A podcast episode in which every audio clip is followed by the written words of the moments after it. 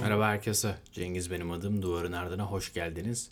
Psikiyatri ve Duvarın Ardı yaz sezonunda da ara vermeksizin yeni bölümlerle karşınızda kişilik serisi yapıyordum. Ona böyle bir küçük mola verip araya birkaç yeni bölüm sokup sonra tekrar ona devam edeceğim. Bu bölümde yaşadıklarımızı anlatabilir miyiz sorusuna cevap arayacağım. Ya da bir başka bakışla anlattıklarımız yaşadıklarımız mıdır diye soracağım. Yakın zamanda gündemi de oldukça fazla meşgul eden iki popüler davayı da buraya taşıyacağım ama onları tabii ki böyle magazinsel bir açıdan değil benim fark ettiğim birkaç noktadan ele almaya çalışacağım ama asıl gündemimizi onlar oluşturmuyor. Bu özel deneyimler ve bu anlatısal kimlikle ilgili bazı şeyler konuşacağım. Bir süre önce nedensiz bir öfkeye kapılmıştım. İnsanların bir şeyler yaşamadan sürekli kurgusal ve saçma hikayeler anlattıklarını düşünmüştüm. Öfkemin altında pek çok sebep olabilirdi elbette. En başta sahiciliğe duyulan yoğun özlem. Sanki olup biten hiçbir şey gerçek değildi. Yani okuduklarımız, gördüklerimiz, izlediklerimiz, acılar da gerçek değildi. Komik olan şeyler de gerçek değildi. Hatta komik olan şeyler hiç gerçek değildi. Hani bir internet klişesi var ya kesin yaşanmıştır diye. Okuduklarıma ve gördüklerime yaklaşımım sürekli bu şekildeydi. Muhtemelen de yalnız değilim. Yani sıradan hikayelerin ya da sıradan yaşantıların ilgi çekmediği bir zamanda yaşıyoruz galiba. Ve bu nedenle insanlar böyle sınırları zorluyorlar belki kendilerini dinlettirmek için, belki önemsenmek için beni biraz rahatsız ediyordu. Yakın zamanda Jean-Paul Sartre'ın Bulantı kitabını bu kez bir başka Cengiz olarak, psikiyatrist, hevesli bir sosyoloji öğrencisi, meraklı bir felsefe okuyucusu olarak ve Belki de hepsinden öte 2021 yılının Cengiz olarak okudum. Okuduktan ve kitap üzerine yeniden düşündükten sonra öfkelendiğim insanlara öfkem biraz geçti. Bu kez başka meseleler zihnimi meşgul etmeye başladı. Çünkü meselenin sahicilikten öte bir şey olduğunu fark etmiştim. Aslında olay kabaca şundan ibaretti.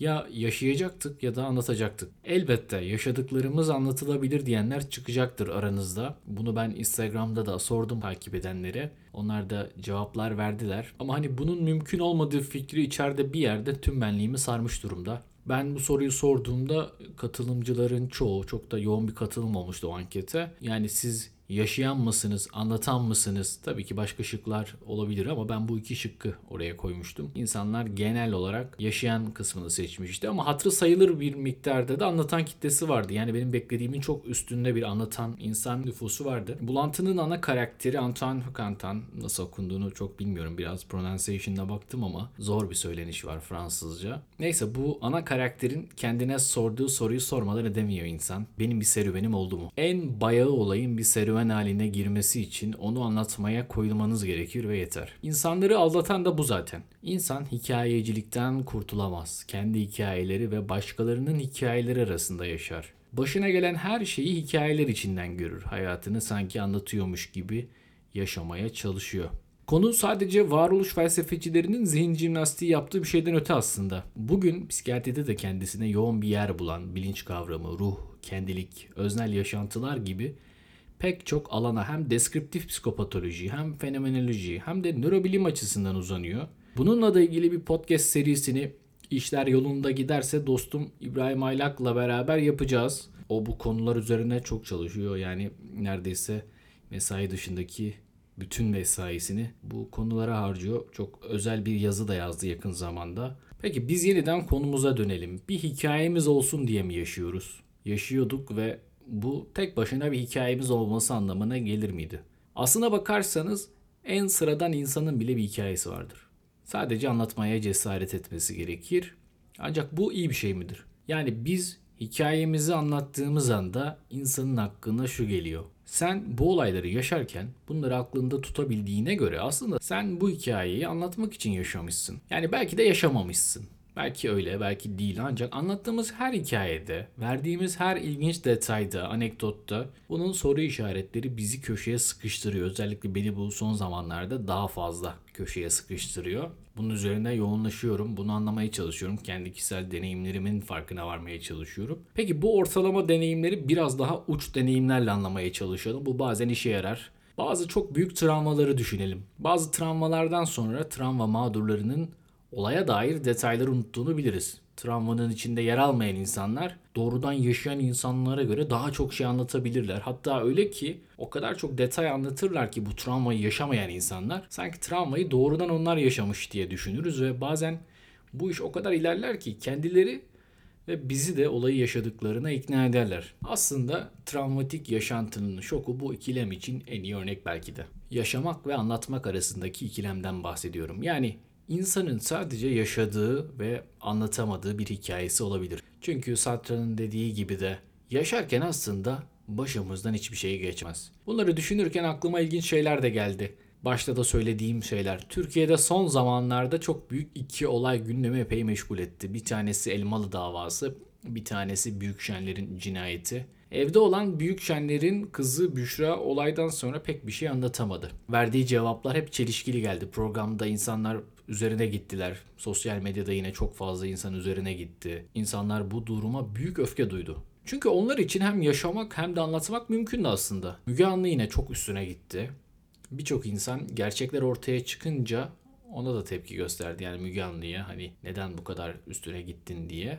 Ama hani belki formatı gereği programın ama bence içten içe onun suçlu olduğunu ya da onun bazı detayları bilerek anlatmadığını düşünmesi gibi bir durum vardı. Peki Büşra'ya duyulan bu öfke yani hem Müge Anlı'nın belki öfkesi hem diğer insanların televizyonlarda izleyen insanların öfkesi nedendi? Bunun üzerine bir cevap düşündüm. Aklıma gelen şey şu oldu. Yani Büşra gerçekten olayı yaşamıştı ve anlatamıyordu. Çünkü bu hikaye onun anlatmak için yaşayabileceği bir senaryo değildi. Yani yaşarken insanın başından bir şey geçmezdi. Büşra'nın da başından aslında pek bir şey geçmedi. Yani geçtiyse de o bunun farkında değildi. Zaten farkında olmadığı için aslında yaşarken insanın başından pek de bir şey geçmiyor.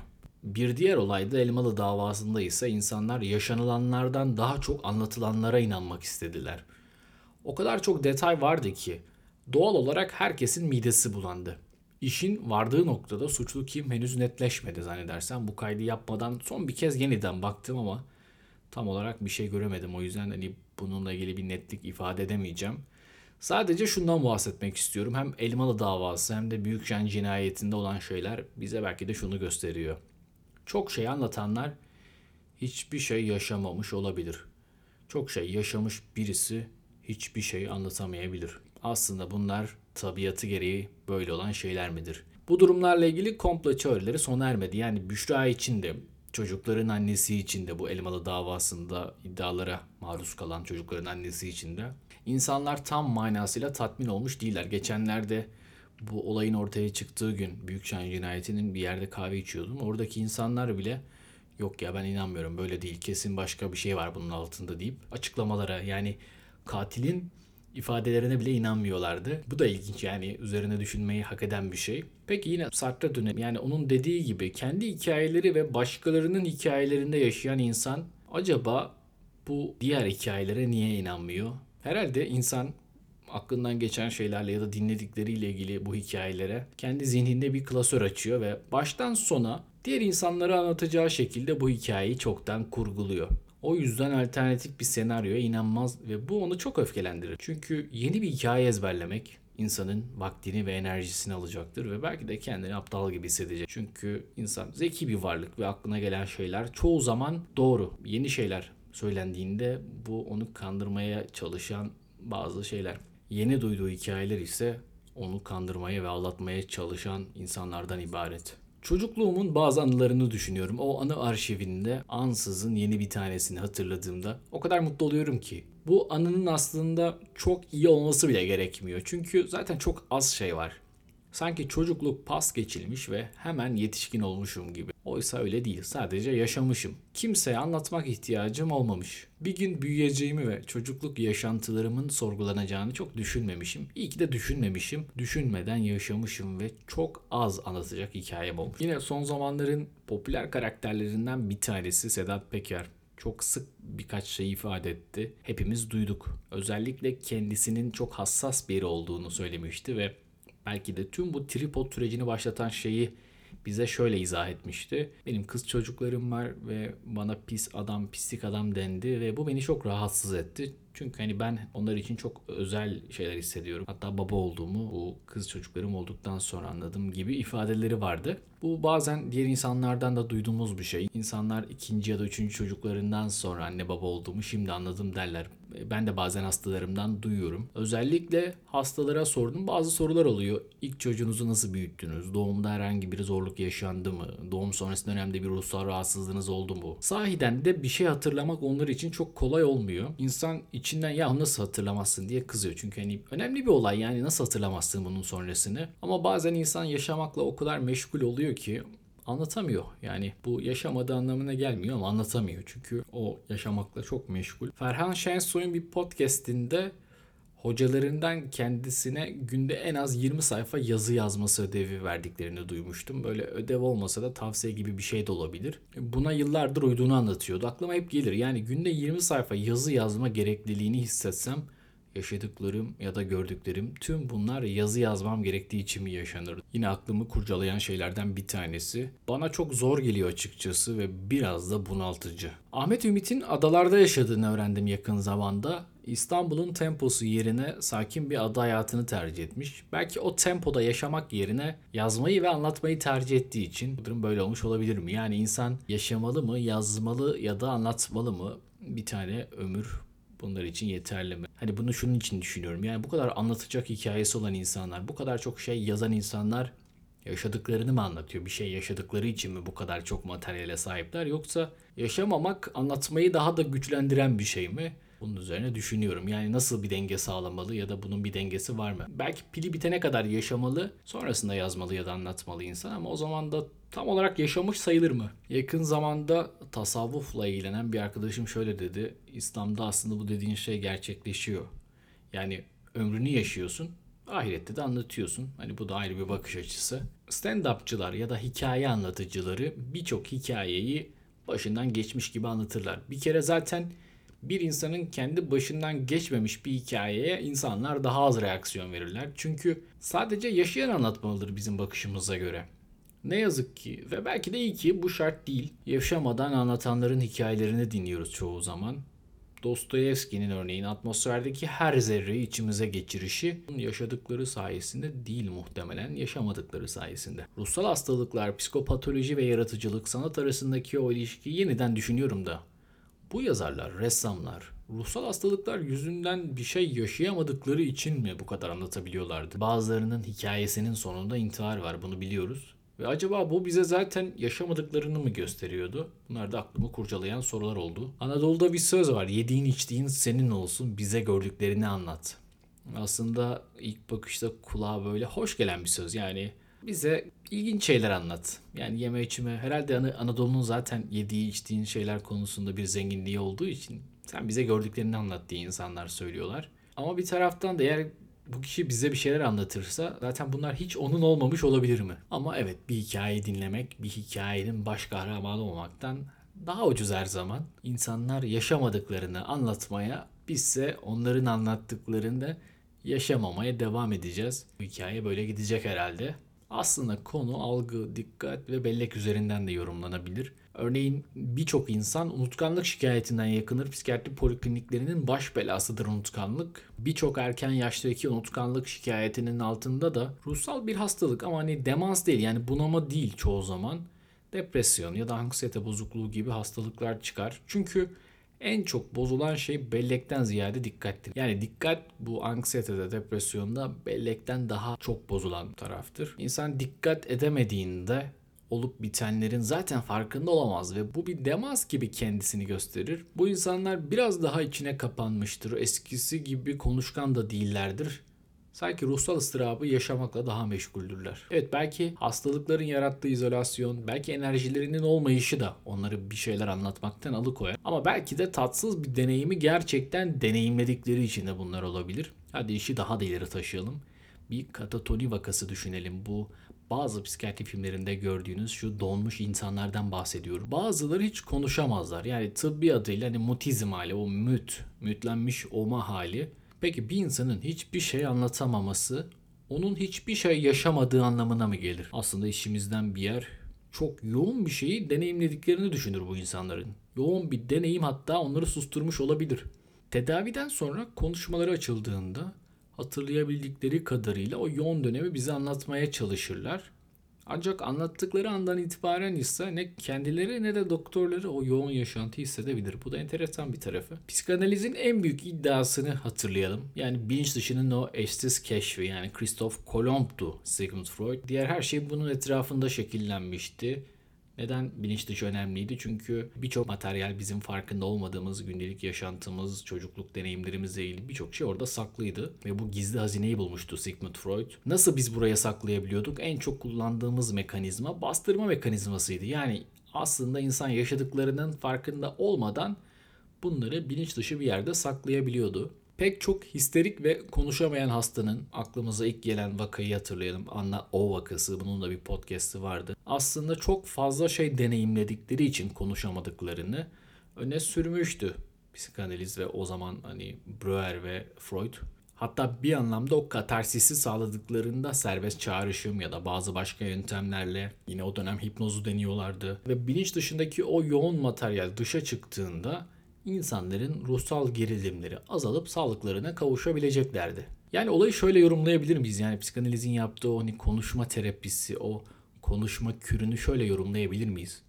Yani hikayesini anlatabilen kişi artık o hikayenin aktörü olmaktan çıkıp sadece anlatıcısı olacaktı. Belki de bu sayede fenomenal dünyadaki yaşantılar ve onların yarattığı tahribat ortadan kalkacaktı. Tabi aklı şu soru geliyor.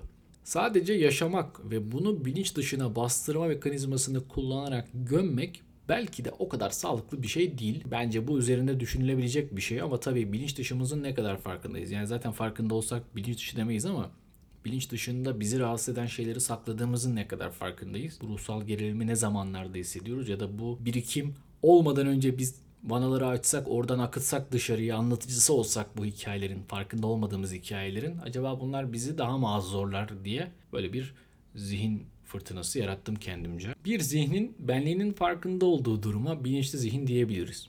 Yani bu bilinç, zihin, ruh, psike tabi bunların birçok tanımı var. Aristoteles'ten, Platon'dan gelen ve modern zamanlarda da devam eden pek çok tartışma var. Hani bunlardan birini ötekine indirgemek ya da tek seferde hani dualist, monist bir açıklama yapmak niyetinde değilim. O ayrı bir tartışma konusu. Yani fenomenal dünyayı deneyimlemek tek başına yetmeyebilir bundan bahsediyorum. Yani bilinçli hali anlayabilmek için. Bunu deneyimleyen benin farkında olmaktan da bahsediyorum. Aslında bu başlı başına büyük bir iş. Yani deneyimlemek ve deneyimin farkında olmak. Biz bazen ikisini aynıymış gibi düşünüyoruz. Bunların farkı olabileceğini düşünüyorum. Ve eğer biz bir de bu sürece bellekte depolamak görevini katarsak sanki işler daha da zorlaşıyor ve bir şeylerden vazgeçmiş oluyor gibiyiz. Yani ya deneyimleyen olmaktan ya da deneyimin ta kendisinden vazgeçiyoruz. Yani ya hazın deneyimin kendisinden vazgeçiyoruz ya da bir başkası oluyoruz. Belki kendimize yabancılaşıyoruz. Bir başkasının deneyimini izliyormuşuz gibi kendimizi dışarıdan izliyoruz. Üçüncü bir gözle izliyoruz kendimizi. Bu da aslında kitaba da ismini veren o bulantıyı meydana getiren şey oluyor bazen bazı insanlarda. Bazı insanlarda farklı şekillerde tezahür edebiliyor. Yani bir hikayeyi anlatmak için belleği meşgul etmek bizi bilinç durumundan uzaklaştıran bir şey olabilir mi? Aslında nörobilimcilerin Damasyon'un da yanıt şeylerden bir tanesi bu. Felsefecilerden de bu konu üzerine çok fazla çalışan insan var. Rico'nun da özellikle anlatısal kimlik üzerine çalıştığını biliyoruz. Kendisi psikanalizin sağladığı bazı kazanımların yaşanmışlıklarla bilinç dışı bağdaşımın dinamiklerini tanımlamasından öte analize sınırlar belirleyerek fenomenoloji yapıp bozuma uğratmasında olduğunu savunur. Bilincin kendisini tanımaya karşı sert bir direnci vardır ve bu karşı koyma bilince dair asıl trajedinin onun hakikate ve doğruya itirazının bulunmasından kaynaklanır diye söylüyor. Narsist karşı koyuşun baş etmeye çabaladığı aşağılanma hissi bilinci değil, onun kendi beğenmişliğini hedef alır. Tüm bu felsefi ve nörobilim tartışmalarına son verirken geleceğe dair bir ümidimi paylaşmak istiyorum. Belki bir gün o kadar gelişecek ki insan beyni hem yaşayan hem de anlatan olabileceğiz ama herhalde o gün bugün değil. Yani şimdilik bundan eminim. Bu tarz kendilik yaşantıları, anlatısal kimlik, ve buna dair bir takım fenomenleri yakın zamanda daha detaylı anlatmak istiyorum. Aslında bu konular daha çok şizofrenide çalışılan, şizofreninin o deskriptif taraflarından biraz daha farklı yerlerini anlamaya çalışan, o içsel, öznel yaşantıları anlamaya çalışan bir taraf. Çok okumak lazım üzerine. Biraz daha bu konular hakkında ben de kendimi geliştirirsem yani en azından sizlerle bir podcast paylaşmayı becerebilecek kadar onları buraya taşımak isterim. Bu anlattığım alan oldukça zengin bir alan. Tabii okuyacak o kadar çok şey var ki yani insan bazı kitapları, bazı yazıları hiç okumayacağını, bazılarını da ikinci kez okuyamadan öleceğini düşünüyor. Ve bu çok korkutucu. Umarım hani en azından bizi çok mutlu edecek şeyleri okuma fırsatı buluruz ve bu fırsatlar hayatımızın çok da güzel zamanlarında denk gelir. Zaten nadir olan bir fırsat. Bari zamanlaması güzel olsun. Bu dileklerle o podcast'in sonuna doğru geleyim. Umarım iyi bir yaz geçiyordur. Her şey yolundadır. Yazlık yerlerdeysek tabii ki Covid ile ilgili şeylerden imtina etmek, uzak durmak ve önlemler almamız gerekiyor herhalde. Bu podcast bölümünü beğenirseniz paylaşmayı unutmayın. Kendinize iyi bakın. Hoşçakalın.